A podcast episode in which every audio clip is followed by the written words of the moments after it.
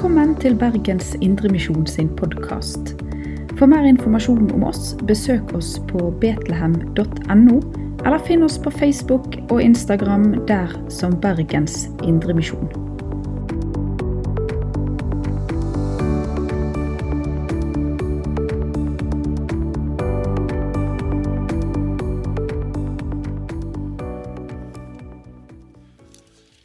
God søndag. Nåde være med deg og fred fra Gud vår Far og Herren Jesus Kristus. I dag er søndagens tekst i Lukasevangeliet, kapittel 5, og vi leser ifra vers 27. Det står skrevet. Deretter gikk Jesus ut. Da fikk han se en toller som het Levi. Han satt på tollboden. Jesus sa til ham, Følg meg. Og han reiste seg, forlot alt og fulgte ham. Levi holdt et stort selskap for Jesus hjemme hos seg og en hel del tollere og andre var sammen med dem til bords. Fariseerne og de skriftlærde blant dem murret og sa til disiplene.: Hvorfor spiser og drikker dere sammen med tollere og syndere? Men Jesus svarte dem, det er ikke de friske som trenger lege, men de syke. Jeg er ikke kommet for å kalle rettferdige, men syndere til omvendelse. Slik lyder Herrens ord. La oss be. Hellige, gode Gud og Far. Dette er ordet du møter oss med i dag. Hellig oss i sannheten. Ditt ord er sannhet. Amen.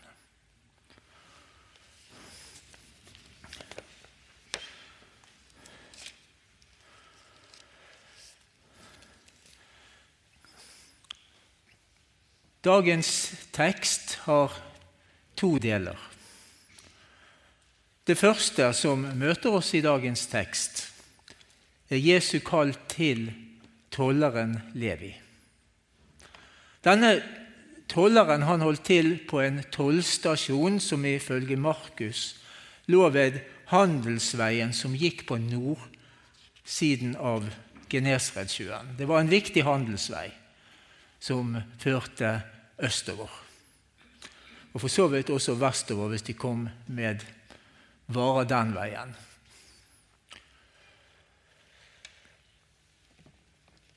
Men det som skjer her, er ganske bemerkelsesverdig. Jesus sier 'følg meg'. Og det er noe overbevisende i dette klare, utfordrende, tydelige kallet. Og Det som skjer, og vi merker oss det, at denne tolleren responderer raskt. Han forlater alt, står opp og slår følge med Jesus. Og Det er omkostninger knyttet til dette kallet, fordi å være toller kunne være inntektsbringende. Ganske så mye også kunne de tjene på å ta toll av de som hadde handelsvarer som dro forbi der. Men vi vet òg at tollerne var ikke bare forholdsvis rike, men de var også foraktet blant folket. De ble sett på som en kollaboratør, altså en som samarbeidet med romerne, selv om det var Herodes som styrte, på vegne i alle fall av romerne, og hadde gitt folket tillatelse til å kreve inn toll på ulike steder i landet.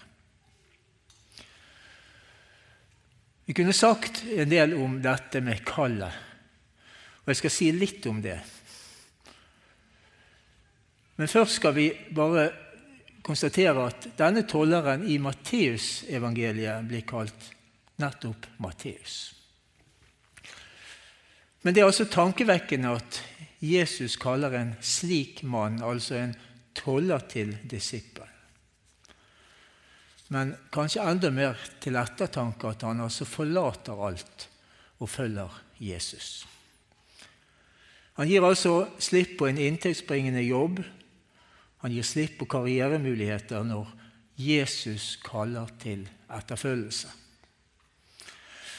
Men denne Levi forsto noe som mange av hans lovfromme landsmenn ikke ville ta inn over seg. At kallet fra Jesus er det livets mest avgjørende begivenhet å respondere på. Jeg kan stoppe opp litt ved det, men det er slik fortsatt. Kallet fra Jesus er det mest avgjørende du og jeg står overfor. Og Det gjelder å respondere rett når Jesus kaller. Det er en anledning som aldri vender tilbake. Nå er det jo slik at Noen etter mange år får muligheten til å komme til Jesus, men de har jo også gått glipp av noe viktig. Og Det er ikke alltid slik at mennesker som sier nei til Jesus, får muligheten til å si ja seinere. Guds ord og Guds kall det gjør noe med oss, og når vi sier, om vi sier nei, så skjer det noe med oss. Guds ord er et levende og virkekraftig ord. Det kan føre til forherdelse. Det står noe som vi bør tenke igjennom i Hebreane 3,7. I dag, om du får høre Guds røst, så gjør ikke hjertene harde. Jesus er Guds sønn, ordet som evner å skape nytt liv i alle som hører og tar imot kallet til etterfølgelse. Og Jesus kaller oss alle til forsakelse, tro og tjeneste i Hans navn. Det er noe som gjelder alle mennesker. Det er ikke bare for de spesielt interesserte. Videre i dagens tekst, i det neste avsnittet vi har lest, så ser vi at denne tolleren Levi gjorde i stand et stort gjestebud for Jesus i sitt hus. Og det var en stor mengde andre, altså tollere og andre som var til stede der, står det i teksten. Det skjer noe med denne tolleren. Han viser gjestfrihet. Og han inviterer mennesker som iallfall noen mente at man ikke skulle ha med å gjøre. Teksten leser at fariseerne og deres skriftlærde reagerte på at Jesus og disiplene hans spiste og drakk sammen med tollere og vi leser andre steder syndere. Jeg skal prøve å forstå hvorfor det var slik.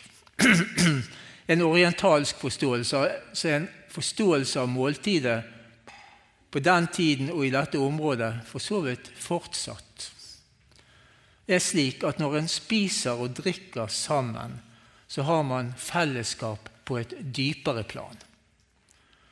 Det signaliserer aksept og ønske om varig vennskap.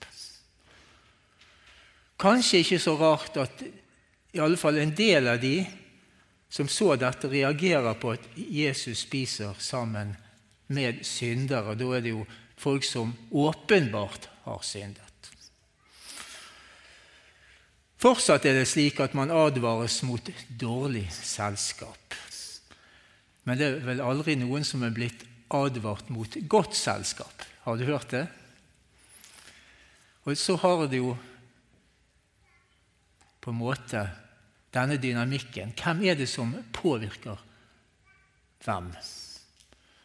I alle fall er det slik Jesus er den sterkeste. Og ved sitt ord og personlige nærvær så kan han forvandle mennesker.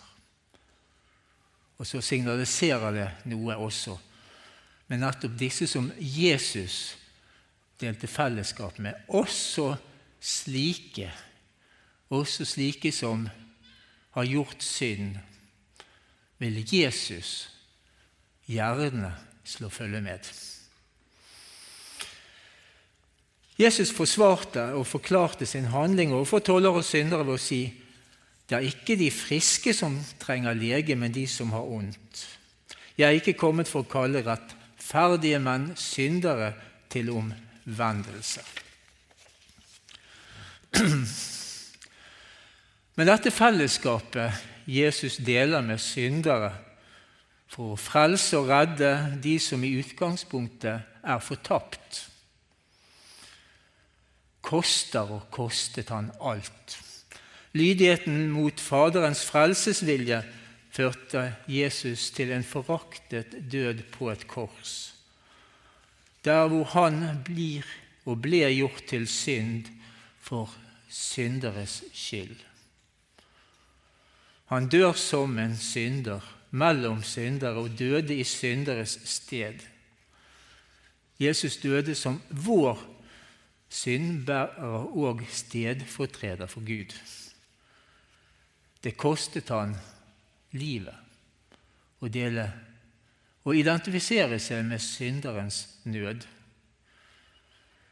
Men han oppsto for å gi oss et nytt liv, rettferdighet og del i et evighetshåp. Det står skrevet hos Peter i det første Peter-brev, kapittel 3. For Kristus selv led for synder en gang for alle, den rettferdige for urettferdige, for å føre dere fram for Gud. Med kroppen døde han, men ved ånden ble han gjort levende. Slik står det altså skrevet. Dette paradoksale, denne identifikasjon og enhet med syndere for å gi rettferdighet. Guds rettferdighet for Jesus skyld slik at vi kan ha et rett forhold til Gud på tross av svikt, feil, mangler, synd som skulle vært gjort ugjort. Dette er Guds omsorg og barmhjertighet som på en særlig måte viser seg gjennom Jesus, hans tjenergjerning, hans tjeneste for vår skyld. Dette er den egentlige og dypeste omsorg vi kan få del i.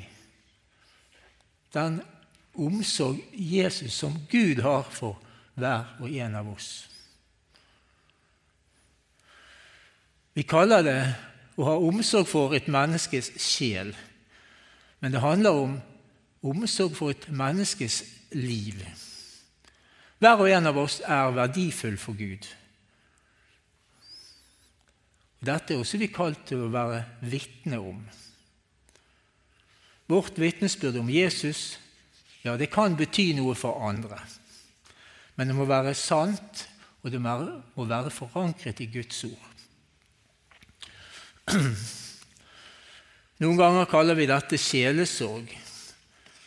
Og det handler slik jeg ser, det primært om å hjelpe et menneske å finne liv i Gud, og få det sant og rett med seg selv i de sammenhenger vi står i, og få det sant og rett med seg sjøl. Sett ut fra Guds ord, slik Gud ser på livet. Og så skal vi få være vitner om dette. Noen ganger overfor de mennesker som Gud sender i vår vei.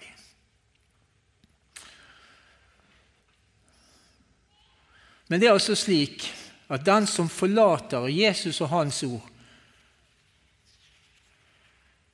mister eller forlater egentlig aktivt det egentlige og gode livet Gud vil gi oss mennesker. Og det kan skje med et menneske som begynner å ta lett på det Gud vil. Og det er jo en fristelse som vi står i, tror jeg, i vår tid også, for å lykkes i hverdagsliv, for å bli populære og ha framgang. Men Guds lykke den er dypere. Det handler ikke bare om medgang i livet. Noen ganger så innebærer det òg at en del ting i livet går oss imot, nettopp fordi at du vil være en Jesu etterfølger. Uten Jesus og hans ord vil vårt liv ikke finne sin gudgitte mening. Men så er det også slik at selv om viljen og ønsket om å høre Jesus til er hos oss Vi ønsker å være en Jesu etterfølger, men det er vanskelig. Og det kan være slik at vi har behov for hjelp, undervisning, ja, noen ganger trøst forbønn for å få eller for å komme tilbake, ja, for å få et rett forhold til Jesus, slik vi gjerne ønsker, men ikke helt klarer av oss sjøl.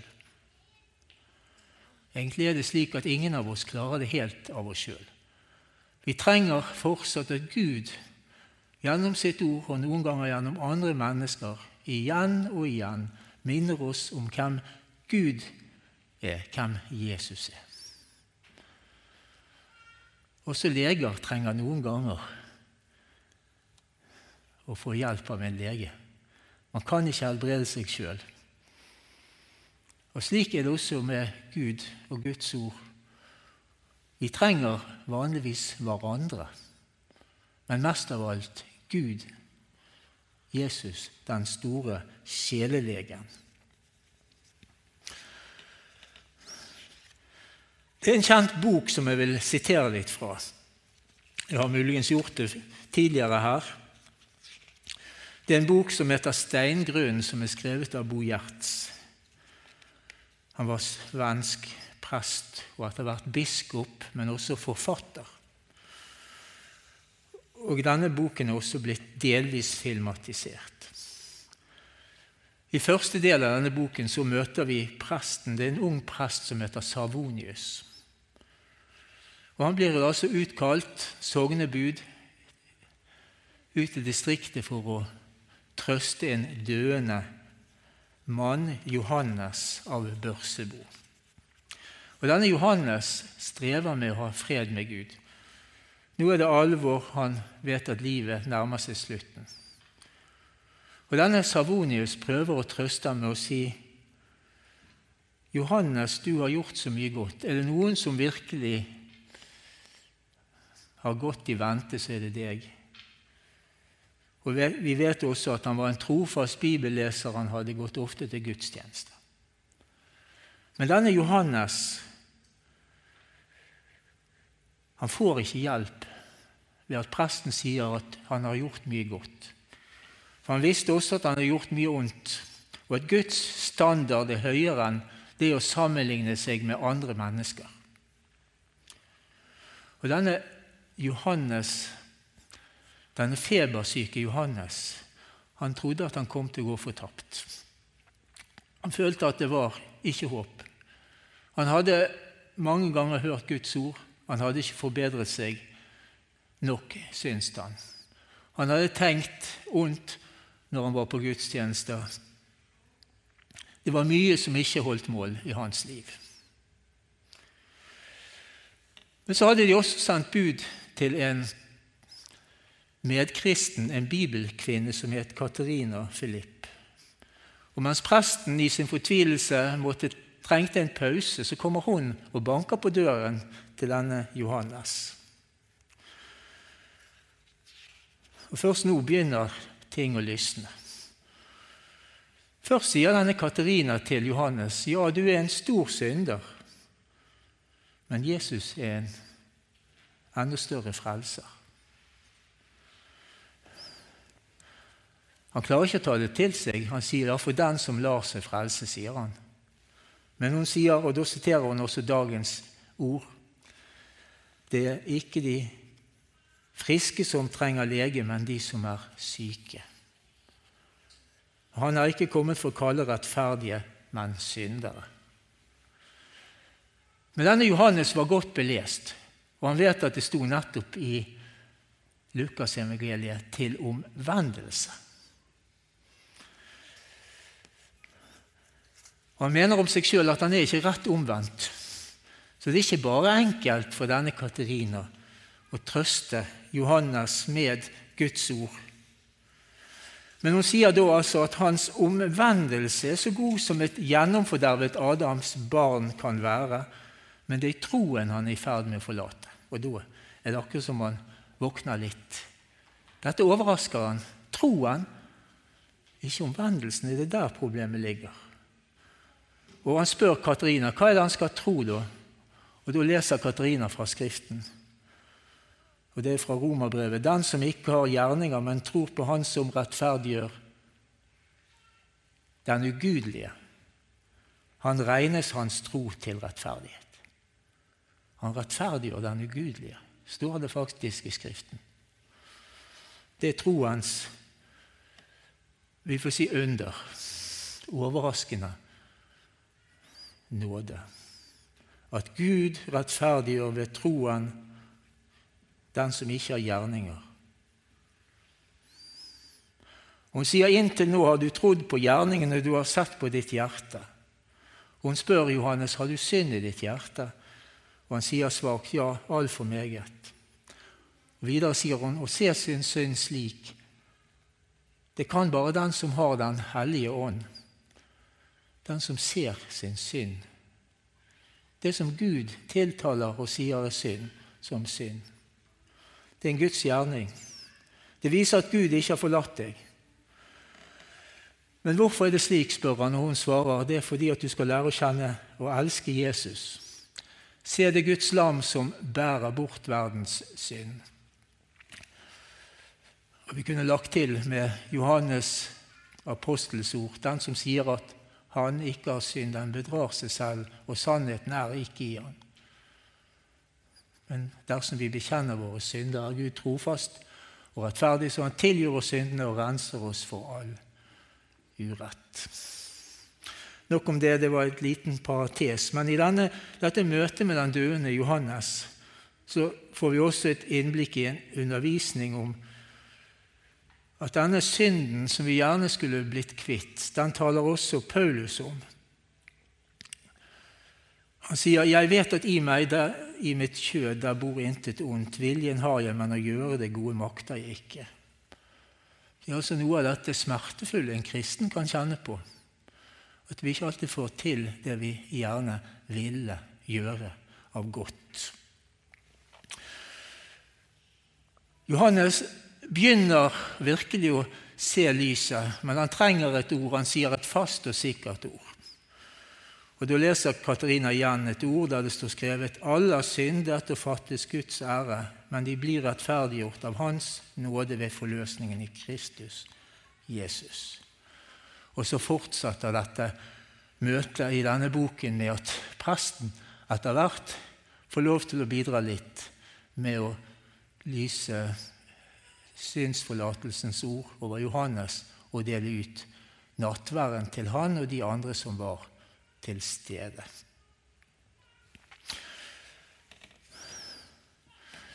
Vi står i det vi kaller en luthersk tradisjon. Og Den lutherske reformasjon og ettervirkninger er av noen, ja av flere, blitt betegnet som en sjelesorgsbevegelse. Blant annet en teolog som heter Tor Johan Grebo, som sier, sier dette. Og Hvis vi ser på Luther og en del som har studert Luther, så er det nettopp kampen om å finne fred med Gud som var hans på mange måter kamp før han brøt igjennom. Da han til sist, til sist fikk se at Guds rettferdighet ikke handlet om å forbedre seg og til og med snakke ut med Gud om alle synder man visste om, og de man kanskje ikke visste hadde gjort, han hadde gjort heller. Men det egentlige evangelium var å høre. Å se Jesus, den korsfestede, og høre Guds løfte som rekkes oss gjennom det Jesus har gjort for oss. Dette å finne fred med Gud er sentralt. Det å ha et fast og sikkert ord, sier Luther, er helt nødvendig i møte med anfektelse. Dette tror jeg vi skal prøve å hjelpe hverandre til også, hvis vi klarer å se at det er en forskjell mellom Guds bud og Guds løfte. Vi ser det i katekismen. De ti bud de sier hva det er rett å gjøre, hva det er rett å tro.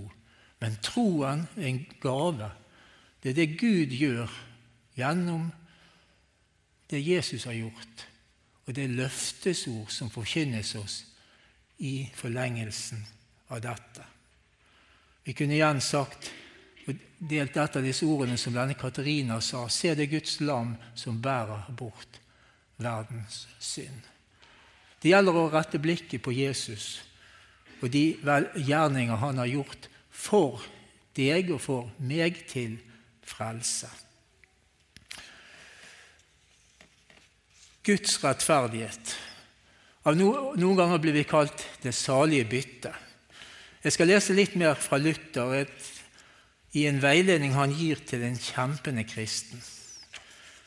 Her, sies, her sier han i norsk oversettelse og da er det en som kjemper med å tro at han virkelig kan kalle seg sjøl en kristen. Derfor, min kjære bror, lær å kjenne Kristus, den korsfestede. Lær å synge om Han og si til ham i fortvilelsen over deg selv. Du, Herre Jesus, er min rettferdighet, jeg derimot er dine synder. Du har tatt på deg det som mitt er, og gitt meg det som ditt er. Du har tatt på deg det som du ikke var, og gitt meg det som jeg ikke var. Og Så sier Luther videre.: Vær på vakt at du, ikke, at du ikke noen gang streber etter en slik renhet at du ikke framtrer som en synder. Kanskje enda mer ikke mer vil være en synder. For Kristus bor bare i syndere. Tenk på det.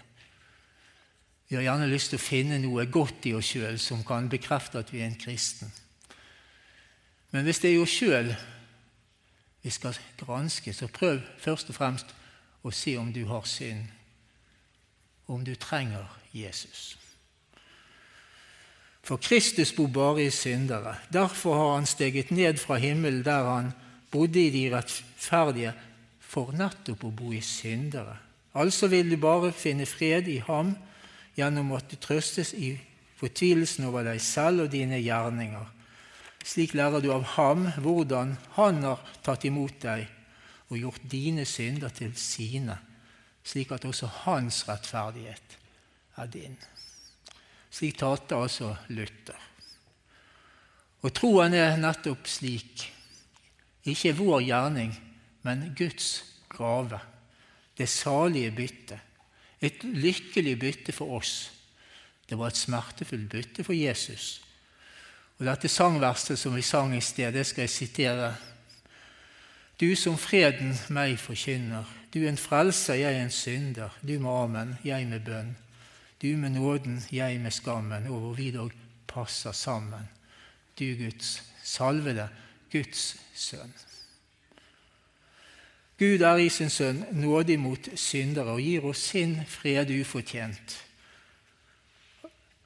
Av bare nåde for sitt eget navns skyld. Denne nåde er evangeliet som forkynnes oss i ordet og rekkes oss i sakramentene, og som forkynner deg at alle dine synder er tilgitt for Jesus skyld. Tror du dette, er du salig. Til ære for Faderen og Sønnen og Den hellige ånd, som var og er og være skal, en sann Gud fra evighet og til evighet. Amen. Du har lytta til Bergens Indremisjon sin podkast. For mer informasjon om oss, besøk oss på betlehem.no, eller finn oss på Facebook og Instagram der som Bergens Indremisjon.